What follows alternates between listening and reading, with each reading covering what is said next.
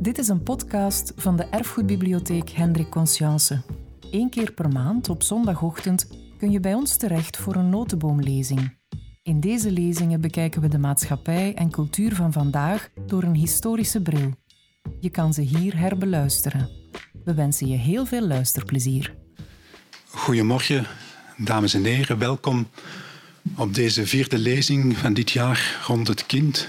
De eerste lezing met een beetje aanvaardbare weersomstandigheden. De moedigen onder u die er verleden keer bij waren met Gerda den Dove, nogmaals gefeliciteerd. Vandaag zijn we dan toch iets talrijker. Ik ga beginnen met een, iets voortlezen uit een boek dat ik toevallig van, aan het lezen ben deze, deze dagen. De grote Europese roman van Koen Peters. De hoofdpersoon bevindt zich op een receptie. Hij is eigenlijk een zakenman en hij ontmoet een andere zakenman. Hij, dus die andere zakenman, vertelt me over zijn carrière in woorden als uitdagingen en gevraagd worden. Geniale flitsen krijgt hij in de nacht. Elke zin van hem begint met ik. Maar hij weet, hij weet ook hoe stedig gewicht aan je zinnen kunnen geven. Ik zag in Birmingham een interessante case en in Madrid begreep ik het. Dat moet ik onthouden. Ik bekijk zijn donkere dierlijke gezicht, zijn lippen zijn klein en scherp, zijn klein en scherp afgelijnd. In de zaal lopen enkele magere grijze mannen met een bril. Zo zal ik later ook zijn, vrees ik. Slobberig, vriendelijk, wat ineengezakt als een golem in een Tsjechisch hotel. Maar vandaag ben ik nog veelbelovend en jong. Ben ik nog veelbelovend en jong en gehaast. Het ik, de worsteling met het ik, de identiteit, het echte ik, de authenticiteit. Ik vroeg me dan af, toen ik dat, dat, las, is er eigenlijk een tijd geweest voor het ik. Bijvoorbeeld de middeleeuwen waar de mensen minder ik bewust waren op een of andere manier. Of in ons eigen leven, bijvoorbeeld de kindertijd, hè, waar, waar we minder bewust zijn van, van dat ik dat eigenlijk precies ook overal in de weg loopt. En dan blijkt er zelfs iemand te zijn die het ik heeft uitgevonden. En niet alleen het ik, maar ook nog eens het kind heeft uitgevonden. Met name Jean-Jacques Rousseau. En dan ben ik op zoek gegaan naar iemand die daarover kan spreken. En niemand kan daar beter over spreken dan Maarten Doorman, de, spreker van vandaag, die in 2012, ook ter gelegenheid van de 300ste verjaardag van Jean-Jacques Rousseau, een boek heeft geschreven, Rousseau en het ik. En in de voorstelling van het boek komen dan ook een aantal heel merkwaardige zinnetjes over, over Facebook. Want eigenlijk heel die worsteling met het ik wordt natuurlijk voor een groot stuk op de sociale netwerken gevoerd. En een zinnetje dat ik jullie niet wil onthouden, maar dat mij ongelooflijk heeft getroffen, is, dat, is het volgende. Er loopt een rechte lijn van Rousseau naar de smiley en andere emoticons. Ik hoop dat we hierover veel meer gaan te weten komen. Natuurlijk ook de relatie tot het kind in de lezing van vandaag. Voor de rest wil ik nog graag over Martin Doorman zeggen dat hij filosoof is, essayist, ook dichter, en dat hij doseert aan de universiteiten van Amsterdam en Maastricht. Hij weet nog veel meer dan alleen over Rousseau, want hij, heeft onder andere dus, hij is afgestudeerd met een, met een thesis over Schopenhauer. Maar vandaag gaat het dus over Rousseau, het ik en het kind. Ik geef graag het woord aan Maarten Doorman. Ik dank u.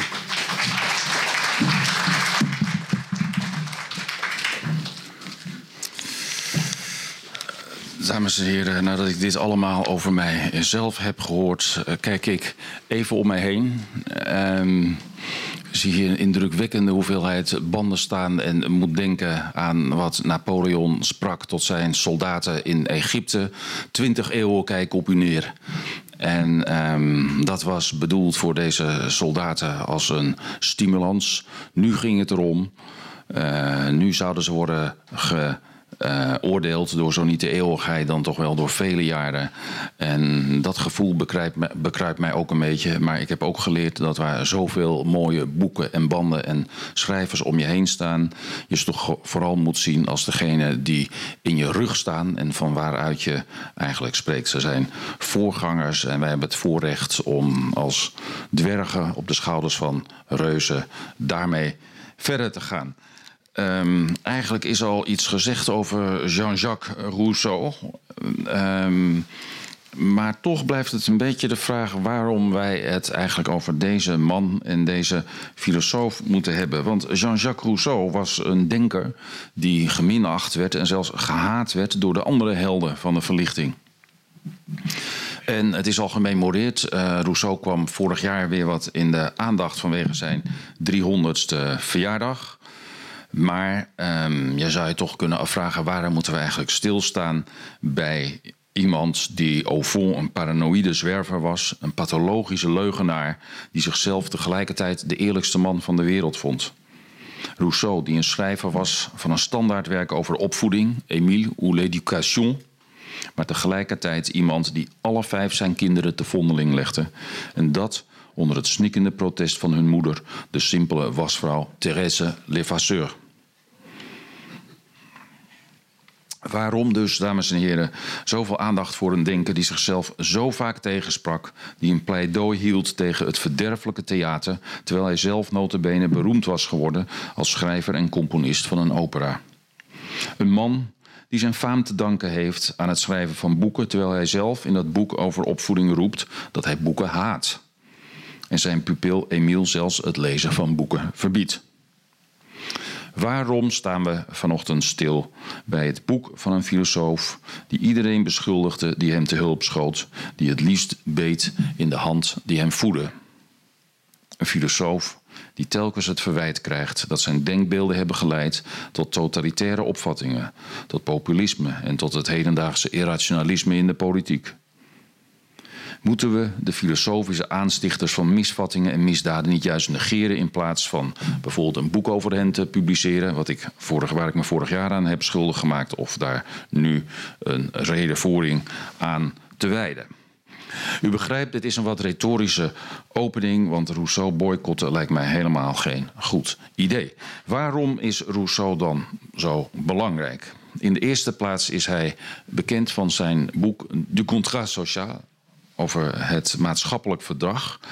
En um, dat is eigenlijk ook een van de meest invloedrijke boeken in de politieke filosofie geweest. Een boek waarin hij zich de vraag stelt: hoe kan het eigenlijk dat wij als samenleving uh, functioneren en um, de macht uitbesteden aan, aan mensen die het voor het zeggen hebben. En Rousseau zegt dat komt omdat wij uh, allemaal eigenlijk deel uitmaken van een gemeenschappelijke wil, de volonté générale, op het moment dat je als burger, citoyen, in een maatschappij leeft, heb je stilzwijgend een contract getekend. Niet echt natuurlijk, maar denkbeeldig. En dat is het idee dat je bij elkaar houdt. Dat is een soort uh, stilzwijgende afspraak die het fundament uh, is van elke politieke samenleving. En dat is eigenlijk een van de diepere basisgedachten nog altijd van onze hedendaagse democratie. Waarbij het niet zo is dat alleen de meerderheid van stemmen geldt, maar uiteindelijk een soort al dan niet denkbeeldige meerderheid, de volkswil, de volonté generaal doorslaggevend is, het algemeen belang. Hier zitten ontzettend veel problemen aan vast en ik ga hier vandaag niet op in, omdat Rousseau om nog een aantal andere redenen belangrijk is. Bijvoorbeeld uh, zijn uh, opvattingen over uh, de gelijkheid van mensen die een verstrekkende invloed hadden op de Franse revolutie. Robespierre bijvoorbeeld dweepte met uh, Rousseau.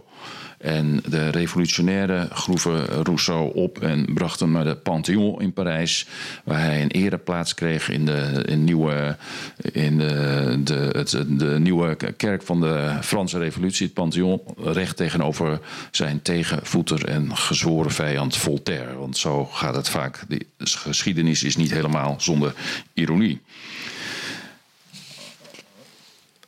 Verder het idee van wat zo mooi vertu heet, de deugd, het goede, het goede handelen, dat niet uh, de regels volgt, maar van binnenuit komt. Dat idee was ook in de filosofie eigenlijk uh, heel belangrijk. We zien het terug bij Immanuel Kant, de grote Duitse denker van wie wordt gezegd dat hij, u kent vast dat verhaal, uh, elke dag op een vast uur zijn middagwandelingetje maakte. Uh, en dat de burgers van Koningsberg daar een klok op gelijk konden zetten. En dat hij in zijn hele filosofische volwassen leven dat maar één keer vergeten was. En dat was dat hij zo verdiept was in het boek waar we het vandaag over zullen hebben, Emiel, dat hij de tijd vergat en zijn wandeling oversloeg. Kant had ook een portret van uh, Rousseau in zijn studeerkamer hangen. Maar veel belangrijker is het dat Rousseau de aartsvader is van de authenticiteit, van ons verlangen naar het natuurlijke. naar het echte, het eerlijke, het zuivere. Dingen die wij sinds het boek Emile allemaal ook aan het kind toeschrijven. Vanaf Rousseau is dat eigenlijk een soort ingebakken verlangen in onze cultuur geworden dat we allemaal hebben. En vanaf Rousseau en vanaf deze gedachte bezien we onze eigen cultuur met reserve. En ook onszelf. En daar wil ik het vandaag eigenlijk met u over hebben. Hoe kwam Rousseau destijds tot zulke volstrekt nieuwe gedachten over dat natuurlijke? Ik noem het authenticiteit, maar het is een, eigenlijk een cluster van begrippen dat samenhangt. Het verlangen naar echtheid, het natuurlijke, het spontane, het eerlijke, het zuivere. Uh, die, dat is een, eigenlijk een cluster van begrippen dat je goed kunt vangen onder het idee van authenticiteit. Een term die Rousseau zelf overigens niet gebruikt. Vaak is het dan natuur. Naar eigen zeggen wandelde Rousseau in de herfst van 1749 naar het kasteel van Vincennes, net even buiten Parijs. Even kijken, daar is het. Ik weet niet of u het ooit heeft gezien. Ik. Uh, ben vele tientallen keren in mijn leven in Parijs geweest, zoals de meeste van u waarschijnlijk. Maar het heeft tot heel onlangs geduurd voor ik dit kasteel heb bezocht. Terwijl het echt, het ligt buiten de ring, maar dan ook, het is het einde van lijn 1. Het heet ook Vincent. En het is eh, eigenlijk de drie, vier haltes, eindpunt. En daar zien we dit, dit, deze, dit meestelijke kasteel, dat eigenlijk heel belangrijk is geweest, ook voor de vroege geschiedenis van Frankrijk. Maar heel lang een gevangenis was, uh, tot in de jaren 50, meen ik. Want Fransen zijn gehecht aan tradities. En um, daar zat Diderot gevangen die in een geschrift iets onwelvoeglijks had gezegd en daar was opgesloten. En Rousseau, die toen nog geen ruzie met hem had, uh, besloot hem te bezoeken, te voet. En uh, onderweg bladerde Rousseau wat in de Mercure de France, een, een, tijdschrift, waar hij een prijsvraag las, of een aankondiging van een prijsvraag, een uitnodiging om te schrijven over de vraag of de opbloei van kunst en wetenschap ertoe had bijgedragen de moraal te verheffen. De Franse verlichtingsfilosofen geloofden enorm in vooruitgang op allerlei gebieden in de maatschappij. En ze vroegen dus die vooruitgang die we overal zien, maakt dat ook betere mensen van ons. En die optimisten van de verlichting, die twijfelden eigenlijk helemaal niet aan het antwoord. Ging niet alles beter door de nieuwe kennis? Ging niet alles beter door de nieuwe techniek. Dus eigenlijk was de prijsvraag eerder opgezet vanuit het idee dat de inzenders zouden moeten uitleggen hoe die verbeteringen hadden bijgedragen aan de morele vooruitgang van de mens. Maar Rousseau, die het er even over had met Diderot, vond eigenlijk helemaal niet dat het steeds beter ging. Rousseau vond zijn eigen tijd hypocriet. Hij zag overal gehuigel, opportunisme, winstbejag en algemeen verval. Rousseau was sceptisch over de hele cultuur, over een samenleving die door talloze voorschriften en regels werd beheerst en het leven verstikte. Dit heeft overigens ook een biografische achtergrond. Hier zien we Rousseau in de natuur staan. Dit heeft ook een biografische achtergrond. Rousseau was een van die vele jonge mannen in de 18e eeuw. Een eeuw vol sociale mobiliteit. Die hogerop wilden en allerlei mogelijkheden zochten. En naar Parijs trokken vanuit kleine, de, de kleine stadjes overal in Frankrijk. Om carrière te maken op een of andere manier als schrijver, filosoof, componist, uh, journalist. Voor zover je dat dan al had. En um, Rousseau was ook een van de tallozen die merkte hoe moeilijk het was om hogerop te komen. Net als in de Engelse standenmaatschappij waren er allemaal ongeschreven regels die zich verschuilden achter politis, achter beleefdheid, achter gewoontes, die vaak voor de wat lompere mensen uit de provincie helemaal niet duidelijk waren. Dus hij voelde zich enorm gefrustreerd in die, die ambities die hij had. En hij had grote kwaliteiten, die werden ook erkend, maar vaak vond je de deuren gesloten. Dit is natuurlijk helemaal niet een verklaring van waarom hij het bedacht. En het is ook niet mijn bedoeling om het te herleiden tot biografische gegevens. Maar het is een achtergrond waarvan het goed is die even in het hoofd te halen. Rousseau wint met zijn inzending op die prijsvraag, het vertoog over kunsten en wetenschappen, de eerste prijs. En vanaf dat moment is hij eigenlijk meteen beroemd. Tot zijn schrik omdat die roem eigenlijk niet paste in zijn kritiek op een samenleving die meer in reputatie was geïnteresseerd dan in wat je echt kon. Dus voor Rousseau was roem op zich al verdacht. En dan wordt een jaar later, in 1752, ook nog eens een opera van hem opgevoerd, Le Devin du Village, aan het hof in Fontainebleau, voor de koning en Madame de Pompadour. En Fontainebleau, ik laat u hier één ruimte zien van dit prachtige paleis. Fontainebleau was natuurlijk het summum van de weelderige artificiële wereld die Rousseau juist bestreed. Als u hier het interieur ziet van de salon, dit is niet de ruimte, overigens voor zover ik weet, waar die opera is opgevoerd, maar dit geeft wel een goede indruk van de wereld die zo ver afstond van Rousseau.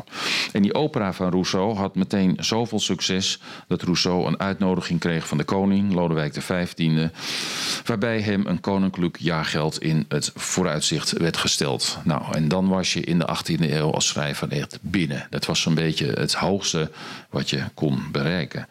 En toen deed de filosoof iets wat voor die tijd niet alleen ongepast was, maar volstrekt onvoorstelbaar. Hij sloeg het aanbod en de uitnodiging van de koning af. En hij vertrok spoorslags naar Parijs. Uit verlegenheid, schreef hij later. En vanwege zijn blaasproblemen die hem voortdurend dwongen naar de wc te gaan. Dat paste niet in het hofprotocol waar je vaak uren moest blijven, stil moest blijven zitten. De invloed van Rousseau's verlangen naar het natuurlijke, naar authenticiteit, kan moeilijk worden overschat. We zien het in het onderwijs, het idee dat het kind zichzelf moet ontplooien en niet lastig mag worden gevallen met regels, uit het hoofd leren en andere dwangmiddelen die de zuiverheid van de jeugd wel eens zouden kunnen bederven.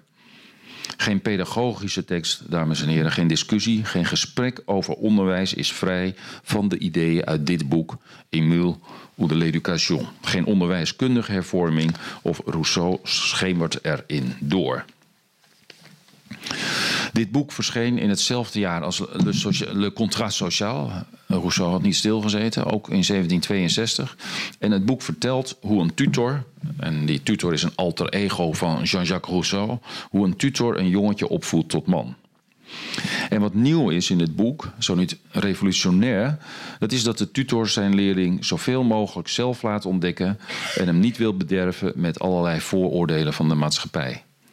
In plaats van zich te voegen naar allerlei regels van de samenleving, zal dit kind moeten opgroeien zonder dat zijn zuivere kinderziel wordt verpest met, het al kunstmatige, met al het kunstmatige van de wereld om ons heen. Niet beleefdheid, maar spontane vriendelijkheid. Geen aangeleerde wijsheid, maar kennis door eigen ervaring. Geen herkauwen van de meningen van anderen, maar gewoon zeggen wat je vindt en voelt. Daar gaat het om.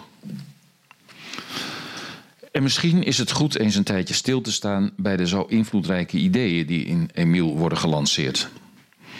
Eigenlijk staat in dit boek één gedachte vooral centraal, namelijk de zojuist genoemde echtheid, het natuurlijke. Dat wil zeggen dat het erom gaat het authentieke van het kind te beschermen tegen de verdorven invloeden van de volwassenheid, van de beschaving, van de cultuur. Hoe invloedrijk die gedachten zijn, is nauwelijks meer te begrijpen, want het verlangen naar het echte, het authentieke, is overal. Het is bijvoorbeeld de strekking van zo'n beetje de hele jeugdliteratuur van de afgelopen 100 jaar. Ik weet niet of uh, bij u Pluk en de Pettenflat van Annie M.G. Schmid net zo populair is onder uh, kinderen als in mijn land. Maar ik geloof dat ook Annie M.G. Schmid hier uh, haar plaats heeft gevonden. Pluk van de Pettenflat trapt er niet in, de leugens van de volwassenen. En wanneer de verdorven grote mensenwereld het paradijs van de torteltuin wil vernietigen, zijn het de kinderen die de natuur moeten redden. Zoals ze ons ook onmiddellijk in dat andere boek van Arjen G. Schmid over Otje, ons onmiddellijk met Otje en haar vader vereenzelvigen, die evenmin goed sporen in de wereld van de volwassenen. Keurig zijn, dat is het ergste zo'n beetje wat je in deze wereld van de generatie van 68 na kunt streven. Zoals ik in mijn boek Rousseau en ik beschrijf, is dat verlangen naar authenticiteit overal in onze huidige wereld aanwezig. Het zit diep in ons, zou ik eigenlijk moeten zeggen. Denkt u eens aan de politiek. Wie het populisme van de laatste decennia wil begrijpen, die kan niet heen om Rousseau's gevoelde gemis aan echtheid, dat in de politiek nog steeds wordt ervaren. Kijken we naar de televisie, naar de praatprogramma's, dan zien we dat in plaats van meningsverschillen en idealen de persoonlijke geloofwaardigheid centraal staat van een politicus. Dus de vraag of ze, of ze deugen en of wij ons wel echt in hen erkennen, of ze wel eerlijk zijn, of het wel werkelijk mensen zijn die dit land begrijpen. voelbare overtuiging is veel belangrijker geworden in dit soort programma's dan deskundigheid, argumenten, idealen. En met name argumenten en deskundigheid roepen eerder wantrouwen op dan dat men erdoor wordt overtuigd. Je kunt beter laten zien hoe ontzettend aardig je bent en dat je een hondje aait en dergelijke. We zien dat verlangen naar authenticiteit niet alleen uh, in de politiek. We zien het ook in een heleboel andere, op een, in een heleboel andere televisieprogramma's waar reality de belangrijkste toetssteen is geworden. Bijvoorbeeld het authentieke platteland in Boer zoekt vrouw. Hier inmiddels ook een uh, succes, begrijp ik. Of bij de minutieus in beeld gebrachte emoties van onze sporthelden. Uh, ik weet niet of het u lukt de, laat ik zeggen, de wereldkampioenschappen voetbal uh, of de Europese kampioenschappen van zeg zo 10, 15 jaar geleden voor de geest te halen. Maar die waren in een aantal opzichten echt anders dan zoals ze er tegenwoordig uitzien. En een van de uh, intrigerende verschillen is dat op het moment dat er een doelpunt wordt gescoord, nu de camera uh, om te beginnen inzoomt op degene die heeft gescoord, op het gezicht en zoveel mogelijk de emoties laat zien. Dan inzoomt op het gezicht van de gepasseerde doelman of de teleurgestelde verdediger. Dan inzoomt op nog enkele andere die uh, emoties uitdrukken of iemand uit het publiek. En als er dan nog tijd over is, wordt de herhaling van het doelpunt uitgezonden. Dat was eerder anders. Dan werd de herhaling van het doelpunt uitgezonden. En natuurlijk zag je wat gejuich, maar het ging nog meer om het voetballen. Het gaat nu om het presenteren van echte gevoelens. We willen het gevoel hebben als kijker, of althans, het wordt ons opgedrongen, of dat is een, een soort samenspel tussen die dingen. We willen het gevoel hebben dat we erbij zijn, dat het echt is. En. Um, dat doet de televisie natuurlijk ook, omdat naarmate wij dat gevoel meer hebben en er meer kijkers zijn, er ook weer meer reclameinkomsten zijn. Goed, we zien het uh, dus niet alleen in de politiek, we zien het ook in allerlei televisieprogramma's terug. En ook, het werd al gememoreerd in de inleiding op Facebook bijvoorbeeld, waar iedereen zichzelf als origineel en spontaan presenteert. We zien het in de taal van de sociale media en in sms'en, waar emoticons en opzettelijk verkeerde spelling spontaniteit en dus eerlijkheid suggereren. We zien het in ons beeld van de ware liefde, zoals zich die toont in liedjes, in films. We zien het in onze behoefte aan natuurlijk voedsel. We zien het wanneer we op reis zijn, wanneer we op zoek zijn naar de echte cultuur van verre streken. We zien het in ons verlangen om in de natuur te zijn en in onze liefde voor het ontwapenende kind. En wie twijfelt aan onze obsessie met authenticiteit, want misschien denkt u wel, dat kan die doelman allemaal wel zeggen, maar dat is zijn obsessie en ik laat het me niet aanpraten. Maar wie twijfelt aan deze obsessie, die zou nog eens wat eh, preciezer moeten kijken naar de commercials, de reclames, of wat teksten en afbeeldingen op etiketten uh, in de eigen ijskast op de voedingsmiddelen bijvoorbeeld voorbij moeten laten trekken. Het onschuldig lachende kind doet het goed in de reclame waar een auto wordt getoond in de natuur. En de verpakking van onze etenswaren noemt de inhoud echt, eerlijk, origineel en puur. Nu zijn we thuis. Authentiek Antwerps.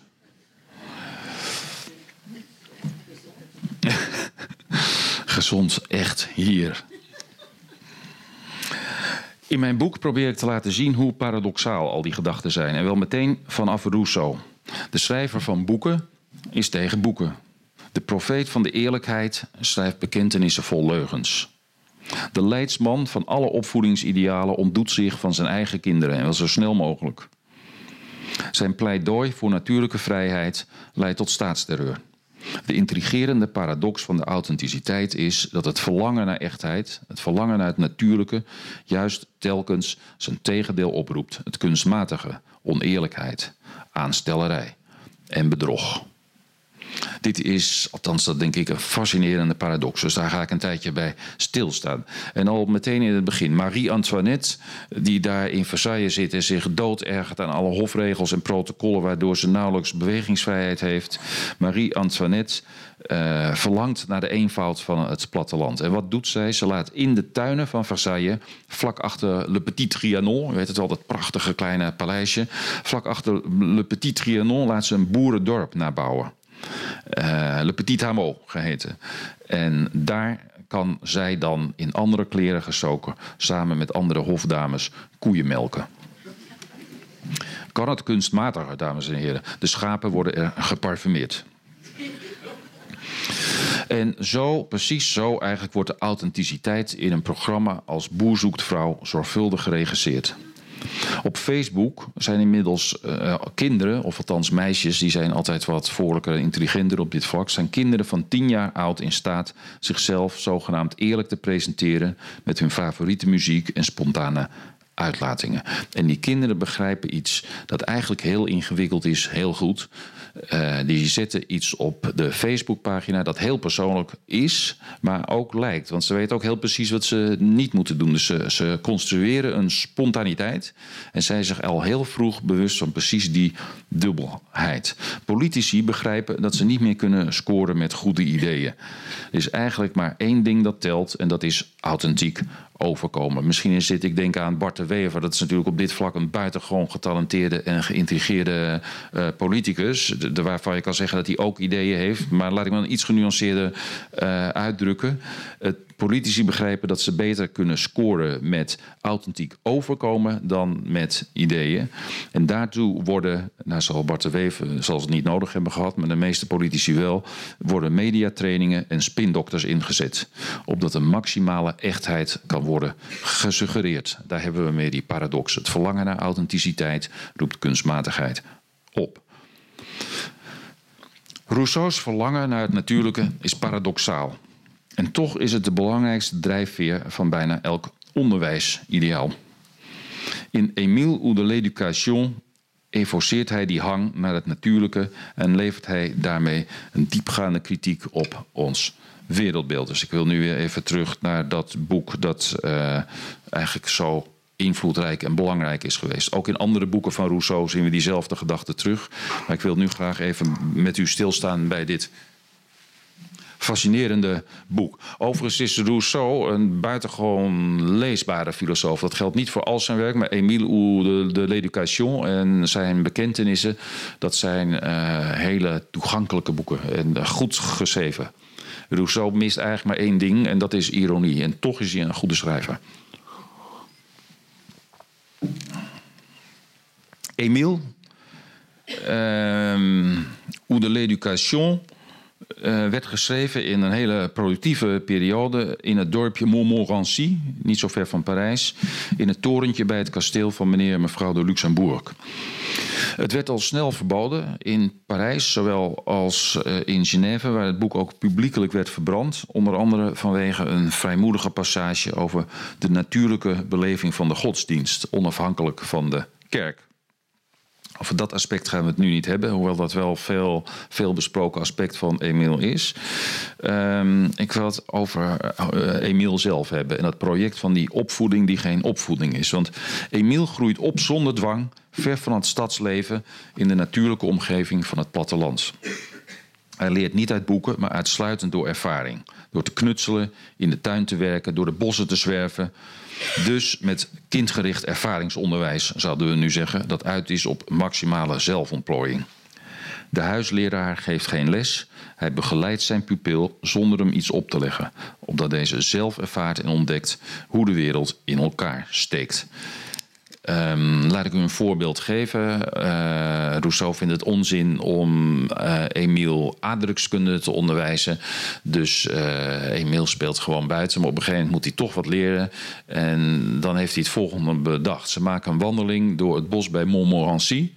En zo tegen 12, uh, tegen lunchtijd, wat het belangrijkste moment is voor de dag in Frankrijk, zoals u weet, um, wordt Emile onrustig en zegt van, moeten we niet gaan eten? En dan zegt Rousseau, ja, dat is een goed idee, maar waar zitten we eigenlijk? En Emiel kijkt om zich heen en zegt: ja, Ik weet niet goed waar we naartoe moeten. En Rousseau zei: Ja, sorry, ik weet het ook niet. Ik heb niet opgelet. Ik ben bang dat we verdwaald zijn. En ze lopen een stuk en nog een stuk. En Emiel barst al snel in tranen uit. Want er wordt snel en gretig gehuild in de 18e eeuw, althans bij Rousseau. En uh, Rousseau wacht nog een tijdje strijdt het hem hier eigenlijk mee. Dit is mijn interpretatie natuurlijk. Maar, uh, en zegt dan, nou, maar denk nou toch eens goed na. Van welke kant kwamen we het bos binnen? En waar staat de zon eigenlijk? En welke kant komt die op? En nou ja, u voelt, het al, voelt hem al aankomen. Dat uh, als je maar begrijpt wat oost en west is en wat de zon doet... dan krijg je een gevoel voor richting. En dan kun je eh, op een kaart of op een landschap de weg vinden. En nog net op tijd zien ze bij de bosrand Montmorency liggen... en kunnen ze nog ergens een restaurant vinden om te lunchen. Emiel weer in tranen, nu van geluk. En de volgende dag gaat hij ijverig aardrijkskunde leren. Hier ziet u weer die paradox. Dus om een kind iets op een natuurlijke manier te moeten laten leren, moet je eigenlijk een soort context eerst creëren waarin je hem op de achtergrond manipuleert. En dit is heel leerzaam voor wie zich bezighoudt met allerlei moderne onderwijsvormen. Ik weet niet hoe ze hier precies heten, maar in Nederland ken ik ze in verschillende onderwijsvormen waar ik zelf bij betrokken ben of waar mijn kinderen, um, laat ik niet zeggen het slachtoffer van zijn, want dat klinkt weer zo pathetisch, maar die mijn kinderen met meer of minder succes ondergaan. Um, het probleemgestuurde onderwijs bijvoorbeeld, eh, de problem-based learning, uh, het studiehuis zoals dat bij ons heet. Maar er zijn allerlei varianten die hier ongetwijfeld ook punt van discussie zijn. En waar het om gaat is dat je, wanneer je kinderen helemaal zelf wilt leren, je omgeving moet creëren waarmee je ze op de achtergrond eindeloos manipuleert om een bepaalde kant op te gaan. Want uiteindelijk wil je toch dat ze bepaalde dingen wel en andere niet leren. Alleen vertel je het ze nu niet meer. Dan moeten we natuurlijk niet vergeten dat de aandacht voor de natuurlijke ontwikkeling van het kind ook van enorm grote waarde is geweest in het onderwijs in de afgelopen uh, twee eeuwen. En ik vind ook dat we Rousseau daar dankbaar voor moeten zijn. Een heleboel onderwijs in de 19e eeuw bestond natuurlijk uit een soort, soort uh, militaire training. Stilzitten, armen over elkaar, dingen uit je kop uh, in, je, in je hoofd stampen. En dat is niet alleen zaligmakend. En Rousseau's aandacht voor het onschuldige, natuurlijke en spontane, gelukzalige wezen. En de invloedrijke romantische doorwerking op dat perspectief, die hebben hun goede kanten uh, in het denken over onderwijs zeker gehad. Maar er zitten ook schaduwkanten. Rousseau koesterde als gezegd een diep wantrouwen tegen onze beschaving, die hij onecht vond, met al zijn regels en zijn maniertjes. En dat wantrouwen is wel te begrijpen als je de stuurse, onhandige en achterdochtige Rousseau probeert voor te stellen in die hogere kringen van de Franse 18e-eeuwse cultuur waar de omgang tussen mensen werd beheerst door allerhande verborgen hiërarchieën, onuitgesproken regels en taboes. Maar het is wel een beetje vreemd dat je kinderen in hun opvoeding helemaal af wilt schermen van de volwassen maatschappij, waarin ze juist moeten leren functioneren. En Rousseau ging bovendien nog wel een stukje verder. Want waarom zou je een kind belasten met vreemde talen of met een vak als geschiedenis, dat een hoop betekenloze feiten behelst, waar het zoveel meer leert van direct contact met de natuur en de dingen zelf? Waarom, dacht Rousseau, moet je kinderen confronteren met de kunstmatige wereld van het boek? Eén boek mocht Emile overigens wel lezen, uh, Robinson, Robinson, Crusoe van uh, Defoe. Daar kun je ook iets bij voorstellen, want dat is uh, de, hij, Robinson Crusoe spoelt, aan op een eiland, zoals u zich herinnert. En moet eigenlijk weer helemaal van de grond af aan beginnen met zelf iets op te bouwen en dingen te maken en te knutselen. Helemaal het programma van Emile. En ik moet u zeggen, ik heb bij een van mijn zoons het voorgelezen, zelfs twee keer voorgelezen, de oorspronkelijke tekst. Toen hij tien was en mijn zoon is helemaal niet hoogbegaafd of uh, hij was ademloos geboeid. En ik eigenlijk ook precies door dat aspect van Robinson Crusoe, waarin hij aanspoelt en de eerste nacht, vind ik ook al zo'n mooi beeld, uh, in een boom gaat slapen. Omdat hij zo uitgeput is, maar tegelijkertijd zo bang dat er menseneters zijn, giftige dieren. Dat hij, ja, en dan moet hij met niks beginnen. En een paar jaar later, jaren later, met, met een heel beperkt aantal middelen heeft hij weer een hele samenleving opgebouwd en kan die brood bakken. En het is een fascinerend boek. Dus ik kan me er wel iets bij voorstellen. U merkt, ik sta eigenlijk heel dubbel tegenover Rousseau. Uh, goed, dus uh, Robinson Crusoe, dat mocht, hij, mocht, mocht Emile lezen, maar geen andere boeken. En ook geen aardrijkskunde of topografie. Uh, Rousseau zegt, wat heeft Emile er eigenlijk aan als hij weet waar Peking ligt, waar Isfahan ligt, waar Mexico ligt, als hij met een kaart in zijn hand nog ineens de weg kan vinden in de tuin van zijn eigen vader? Laat u die zin even tot u doordringen. Dus kennelijk was het kind, het soort kinderen dat hij onderwees, wel van enigszins goede doen. Die hadden vaders met tuinen waar je met een plattegrond de weg moest vinden. Het bezwaar is uiteindelijk dat Rousseau's denken rechtstreeks ingaat tegen de. Oh. Het gaat vanzelf goed. Het bezwaar is dat Rousseau's denken ingaat tegen de gedachte dat je door actieve confrontatie met de cultuur zelfstandige, kritische en zowel rationeel als emotioneel evenwichtige mensen kunt vormen. Een ander punt is dat Rousseau meende dat het in opvoeding en onderwijs ging om de zelfontplooiing van het individu. Dat als een soort kastplantje gekoesterd moest worden om de eigen talenten en eigenaardigheden de kans te geven tot wasdom te komen. En dat idee, wordt, dat idee dus van zelfontplooiing, dat, dat het eigen ik, het eigen individu, alle ruimte moet krijgen, dat wordt vanaf de romantiek en ook door de romantiek zo belangrijk dat het tot op de dag van vandaag voor iedereen een vanzelfsprekendheid is, die juist misschien daarom niet zo opvalt. Maar gelukkig is er in de inleiding al even aan gememoreerd tot mijn lezing. In de middeleeuwen was dat toch heel anders dat wij individuen zoveel mogelijk onszelf moeten zijn. En voor zover we dat niet zijn, onszelf moeten worden. Dat is een hedendaagse dure plicht waaraan we ons moeilijk kunnen onttrekken. En dan doet zich hier opnieuw een interessante paradox voor. Waar de methode die Rousseau voor Emile bedacht vruchtbaar lijkt voor jonge kinderen tot zeg een jaar of zes, ligt die in toenemende mate onder schot. Tegenwoordig denkt de overheid steeds meer op voedkundige voorschriften nodig te hebben om die jongere kinderen minder vrij te laten op crèches, kinderdagverblijven. Komt steeds meer regelgeving en steeds meer uh, uh, didactici en pedagogen houden zich daarmee bezig. Kinderen moeten al allerlei dingen op hun vierde, op hun vijfde jaar leren tegenwoordig. Kinderdagverblijven en kleuteronderwijs moeten aan steeds meer eisen voldoen. Maar waar kinderen ouder worden en juist meer sturing verdienen, om niet te zeggen de klassieke pedagogische verhouding van leraar en leerling, meester en kind, opvoeder en pupil. Daar past mijn Rousseau's gedachtegoed juist telkens toe, tot op de universiteit, zo weet ik uit ervaring, waar de klassieke verhouding tussen docent en student door onderwijskundigen sinds jaren verdacht wordt gemaakt, omdat de docent zich niet moet verbeelden dat hij die studenten eens eventjes uit kan leggen hoe het zit in zijn of haar vak. Historici van onderwijs zullen zich later vergapen aan het bijgeloof van onze tijd, aan de mythe van Emiel. Nu ga ik te snel.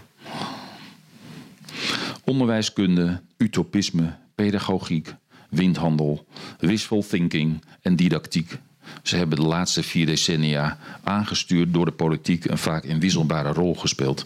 Als we nog bevlogen idealen over het onderwijs koesteren, zoals die van Biel doen, dan zullen we tegelijk altijd ons het beeld van de meest invloedrijke onderwijsvernieuwer van de hele geschiedenis voor ogen moeten houden. Het beeld van Jean-Jacques Rousseau. Henriette Roland Holst noemde uh, Rousseau een groot zoeker en een groot zaaier op de velden der mensheid. En dit ook met hoofdletters geschreven, begrijpt u. En misschien is dat zo, dat hij een groot zaaier is op de velden der mensheid. Maar het was diens grootste criticus Voltaire die kort na het verschijnen van Emile bekend maakte hoe Rousseau het ervan af had gebracht met zijn vijf eigen kinderen. Dat was niet best.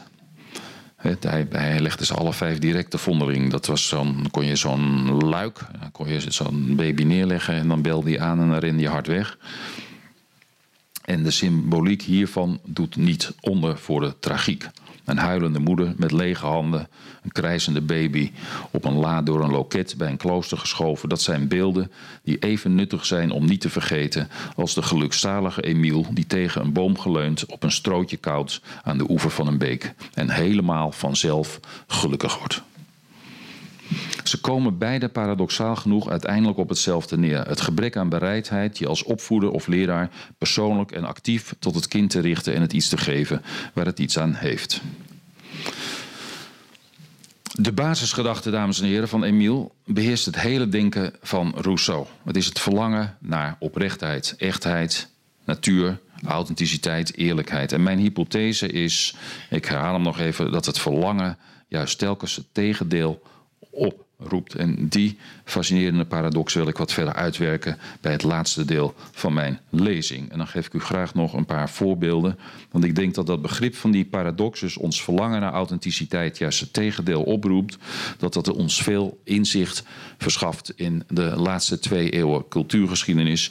En zelfs misschien een heel klein beetje in onszelf.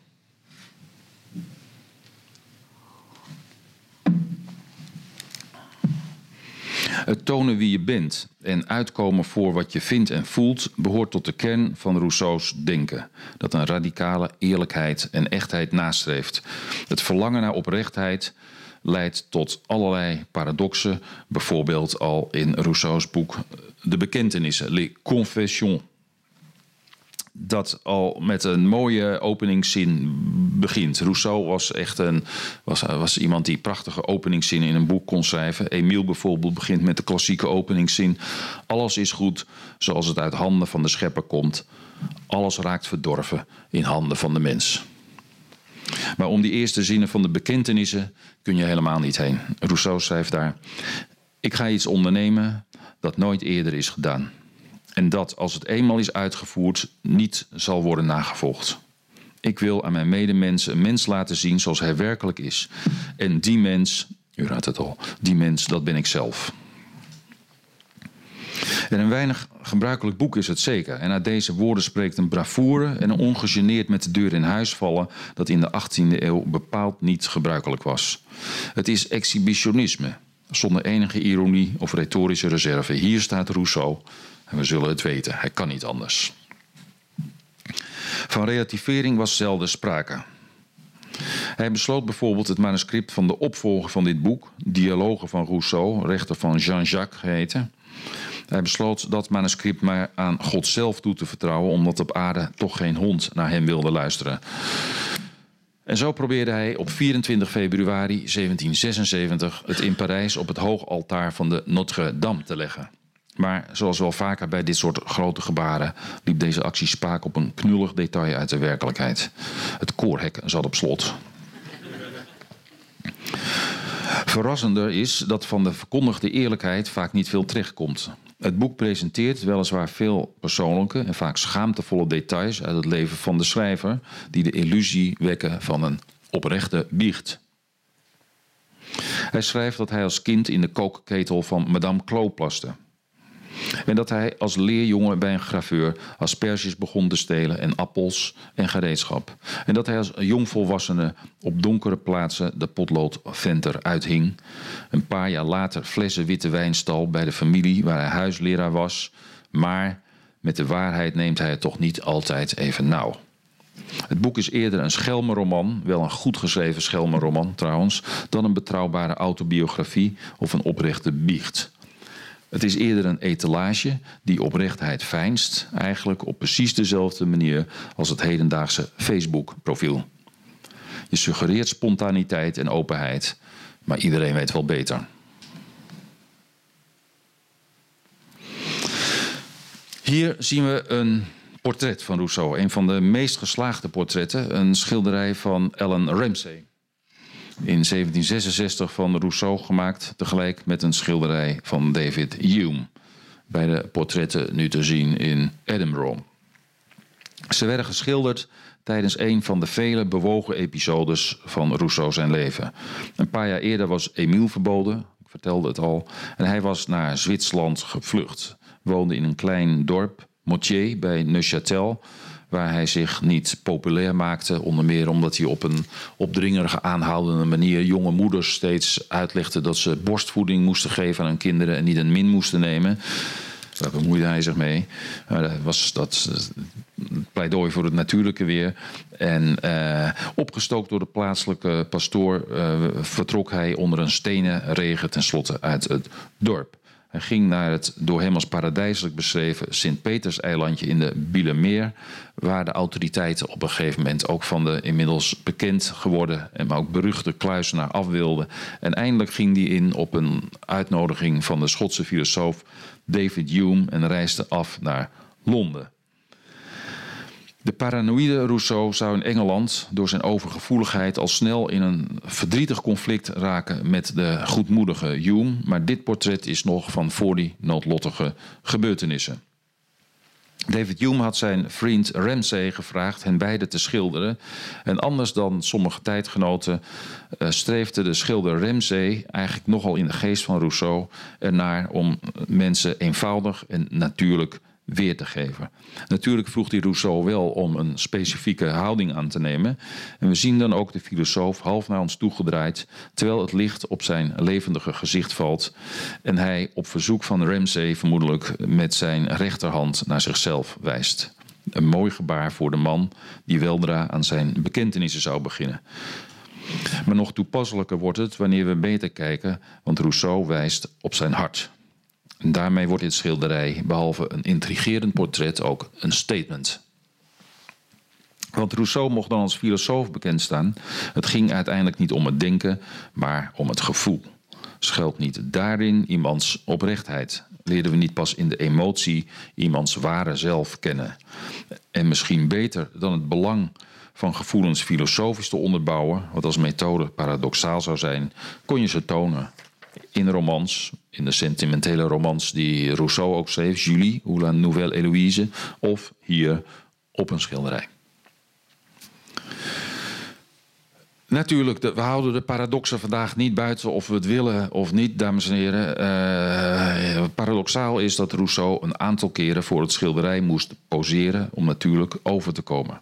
En eigenlijk zien we dan in een notendop weer de paradox die altijd aan authenticiteit vastzit. Wie echt wil zijn, is het per definitie niet, want met het bewustzijn van het verlangen is de onechtheid er ook, zoals de dag slechts bestaat bij gratie van de nacht. Het is, als bij de noodlottige gebeurtenissen in het boek Genesis, daarom is de ondertitel van mijn boek ook over de erfzonde van de authenticiteit. Op het moment namelijk dat Adam en Eva van de boom hebben gegeten van de kennis van goed en kwaad, is er kennis van het kwade. Er is nog geen kwaad, maar er is kennis van het kwade. En daarmee komt het kwaad in de wereld en is een paradijselijk leven voor goed onmogelijk geworden. Het eerste teken daarvan is het besef dat Adam, van Adam en Eva dat ze naakt zijn. Ze schamen zich en maken van vijgenbladeren lindenschorten, zoals dat in de nieuwe Bijbelvertaling zo mooi heet. Zoals nu de mens in deze theologische visie nooit meer op aarde zonder het kwaad zal zijn, zo zijn we sinds Rousseau nooit meer zonder onszelf. Vandaar ook de titel van mijn boek Rousseau en ik. Ik is niet Maarten Doelman, dat is ons ik.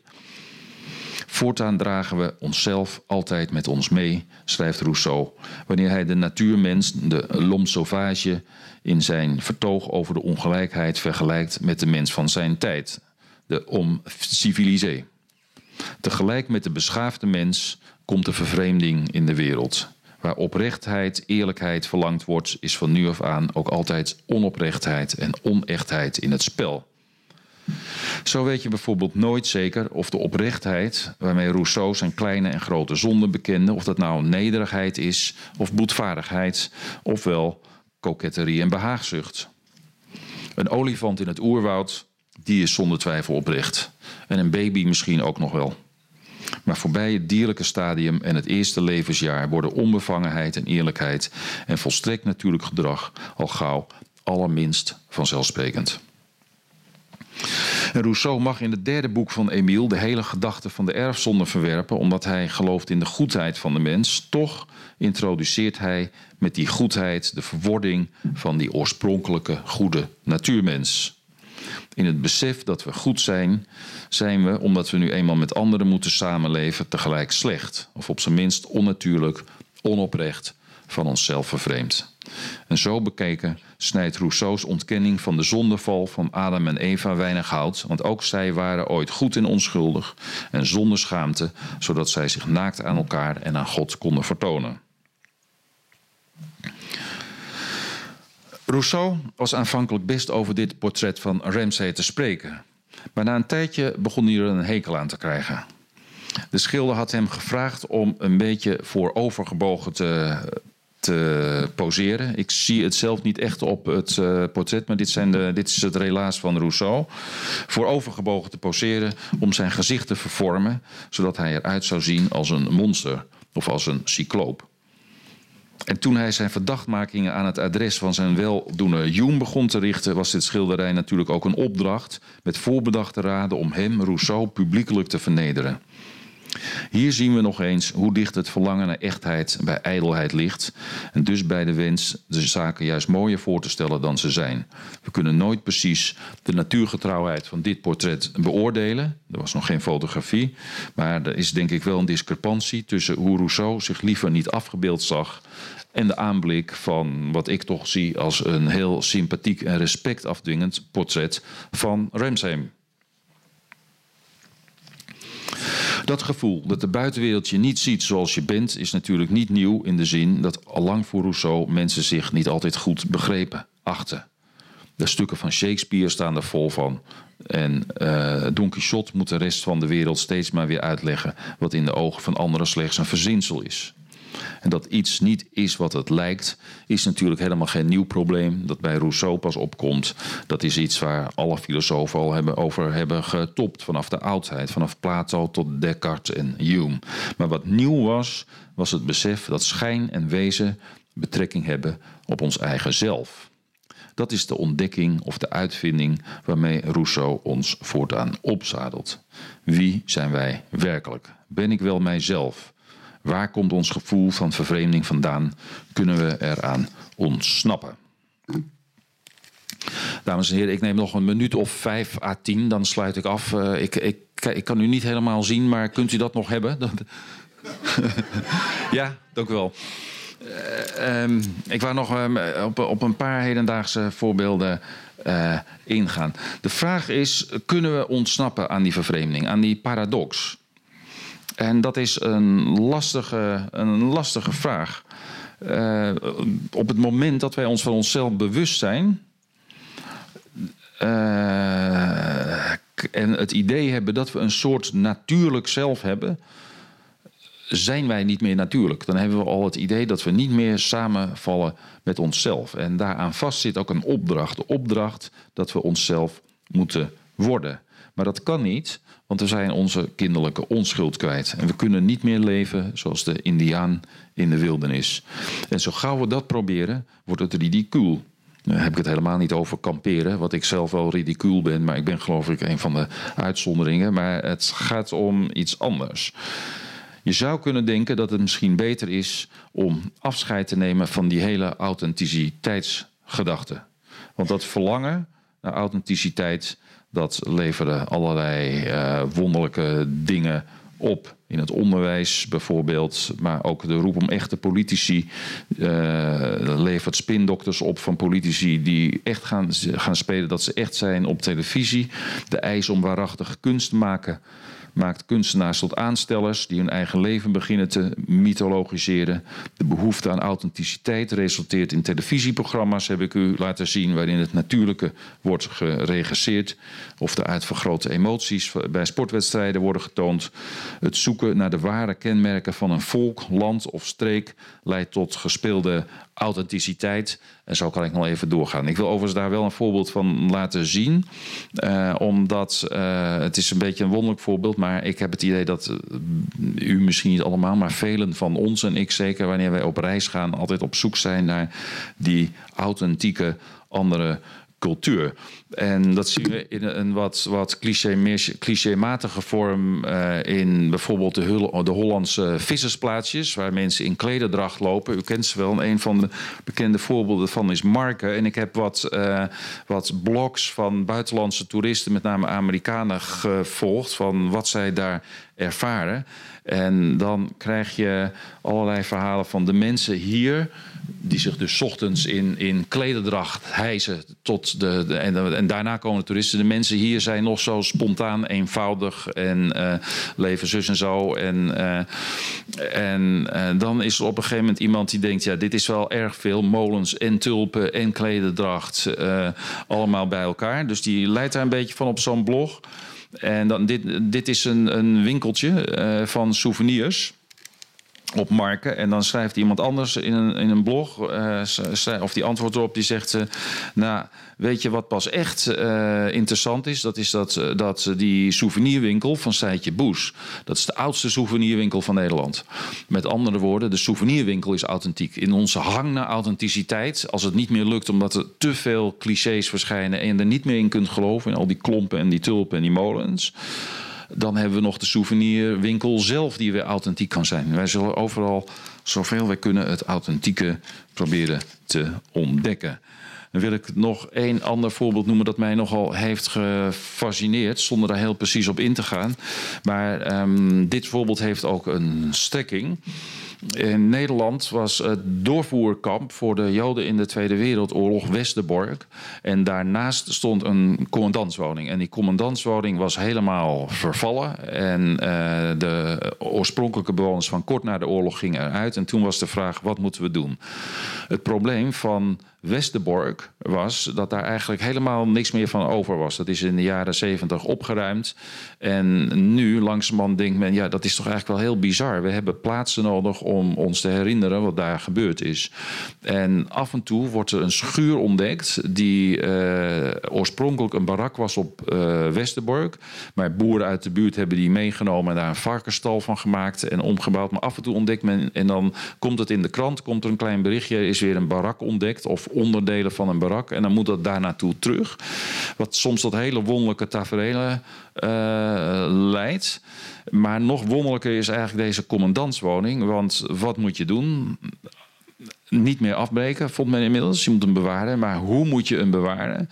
En toen op een gegeven moment heeft de staatssecretaris besloten... we gaan er een hele grote glazen kap omheen zetten. Want als je het heel mooi opknapt, dan, krijg je, dan werkt het niet meer als aandenken. Dus het wordt nu een beetje opgeknapt, maar zodanig dat er geen bezoekers in kunnen... want daar is dat huis te breekbaar voor geworden. Dus daarom komt er een soort grote glazen overkapping over het hele huis. Dan kunnen op die glazen overkapping authentieke beelden uit het kamp worden geprojecteerd. En uh, het huis wordt zodanig opgeknapt dat het niet verder uit elkaar valt, maar wel er oud uit blijft zien. Mijn pointe hier is eigenlijk tweeledig. Um, als je dit zo ziet, dan krijg je bijna de slappe lach. Die enorme hang om allerlei authentieke elementen uh, op een zo kunstmatige manier in stand te houden. En tegelijkertijd krijg je die die slappe lach ook niet, of die stokt in je keel, omdat dit een verlangen naar authenticiteit is, waar je niet uh, met een lach van af kan maken. Het gaat namelijk wel degelijk om een vorm van herdenken van velen die verdwenen zijn. En die behoefte om de geschiedenis levend te houden, is een vorm van authenticiteit, verlangen naar echte dingen uit die tijd, waar we ons niet uh, ridiculiserend of vrolijkmakend van af kunnen doen. En nu kom ik eigenlijk bij uh, het einde van mijn lezing en de prance. Ik wil u eigenlijk een probleem meegeven waar ik zelf ook mee zit, maar ik beschouw dat probleem zelf omdat ik filosoof ben, ook als een geschenk. Uh, als die authenticiteit steeds tot zijn tegendeel leidt, kunnen we dan afscheid van haar nemen? Mijn antwoord is nee, dat kan niet. En hoe zouden we die dan verder moeten denken? Ik geef u nu nog twee andere voorbeelden. Ik zou het ook heel abstract kunnen doen, maar dat ik stuur u, als u het goed vindt, liever met een vraag of een paar vragen naar huis dan met een paar antwoorden. Dat hoort een beetje bij mijn uh, professie. Um, als wij denken aan aan onze behoeften. Die is niet van u allemaal. U hoeft zich door het ons niet uh, geïncluseerd te voelen. Maar velen van ons hebben een behoefte aan authentiek voedsel. En daarvan kun je ook heel makkelijk laten zien dat dat ridicuul is. We kunnen met zoveel miljoenen op elkaar niet meer uh, uitsluitend voedsel hebben van de boer bij ons in de buurt. Um, een heleboel vormen van, ik heb het al laten zien, echte boter op die etiketten. En uh, als je wat daarover na gaat denken, dan schiet je ook in een slappe lach op het laatst. Als je het op een rijtje zet. En tegelijkertijd is dat verlangen naar authentiek voedsel ook een vorm van denken die een aantal idealen. Uh, in zich draagt, die we niet allemaal op willen geven. Die gaan over diervriendelijkheid, die gaan over de opwarming van de planeet, die gaan over voedselkwaliteit, zowel over smaak als hoe het eruit ziet, die gaan over gezondheid. Dus we kunnen wel uh, zeggen dat verlangen naar authentiek voedsel, dat is ridicuul en gooi het weg. Maar daarmee gooi je ook het kind met het badwater weg. Denkt u ook aan dat voorbeeld van dat kamp. Ik wil u nog een afsluitend voorbeeld geven, eigenlijk het meest simpele, maar ik geef het afsluitend omdat ik hoop dat u begrijpt dat het eigenlijk helemaal niet zo simpel is als het lijkt. En dat is de open haard. Uh, een aantal van ons, en ik heb dat ook, hebben een open haard thuis.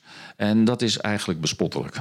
Het is uh, waarom gaan wij uh, in ons huis een vuurtje stoken om ons te verwarmen, terwijl we de centrale verwarming hebben. Vaak moeten we dan nog de thermostaat lager draaien, omdat die een stukje verderop is. Sommigen kopen de houtblokken bij het benzinepomp in een plastic netje om ze dan uh, aan te steken in huis. Het stinkt, het is onhandig, het is stoffig, het is bovendien slecht voor het milieu. Hoe ridicuul zijn we eigenlijk bezig door nog een open haard aan te steken? Hetzelfde geldt natuurlijk voor kaarslicht bij een diner. Als we goed licht hebben, waarom kaarslicht? Um, maar ik houd het even bij die open haard. Um, dus je kunt zeggen, het is een vorm van bijgeloof. Die hou ermee op. Het is sentimenteel, nostalgisch. Het is precies die paradox van de authenticiteit. Je verlangt naar iets echts, maar er is niks kunstmatiger dan dat. Het is ridicuul toch is het ingewikkelder dan dat, denk ik. Um, ten eerste zitten we al een paar honderdduizend jaar met z'n allen om een vuurtje.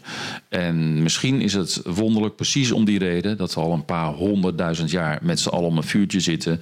Om het zo lichtvaardig af te schaffen. Het zou ook kunnen dat die open haard een bepaald soort warmte oplevert, straling warmte, die we af en toe best lekker vinden. Maar het gaat ook meer om een soort beleving of iets gezamenlijks, dat allemaal heel vaag is, maar iets dat misschien iets wat ons misschien veel waard is. En waarvan het de vraag is, als we het ontleden zoals ik heb gedaan, uh, of we er gelukkiger van worden. Met andere woorden, ik denk dat we moeten gaan nadenken. We, dat zijn de filosofen, dat ben ik in de eerste plaats, want ik heb het op mijn eigen agenda gezet. Dat we moeten gaan nadenken over wat die authenticiteit eigenlijk. Um, wat die is of wat die waard is. En of we daar geen andere termen voor zouden kunnen verzinnen. Dit is een zeer lastige opgave en ik kan er eigenlijk nog weinig over zeggen. Um, ik denk dat het te maken zou moeten hebben met, met uh, een soort waardering voor traditie, gekoppeld ook aan uh, vooruitkijken. Het moet niet alleen nostalgie zijn, zoals Rousseau terugverlangde naar de natuur met Emiel en naar de natuurvolkeren. Dat is te weinig. Dus het moet tegelijkertijd een vooruitkijker zijn. Waarbij we nadenken ook over termen als kwaliteit. Nou, spijt het me dat ik eigenlijk weer zo abstract ben geëindigd. Waar ik zo concreet met dat haardvuurtje wilde stoppen. Maar u ziet dat uh, ik probeer me aan te geven uh, waar ik verder ga. Nu gaat u vast natuurlijk in op die paar termen die ik laat vallen. En waar ik geen goed antwoord op heb. Want daar eindigt ook mijn boek in enige verlegenheid. Um, het zij zo, dames en heren. Ik wil u heel hartelijk bedanken voor uw uh, aandacht bij deze lezing. Dank u wel.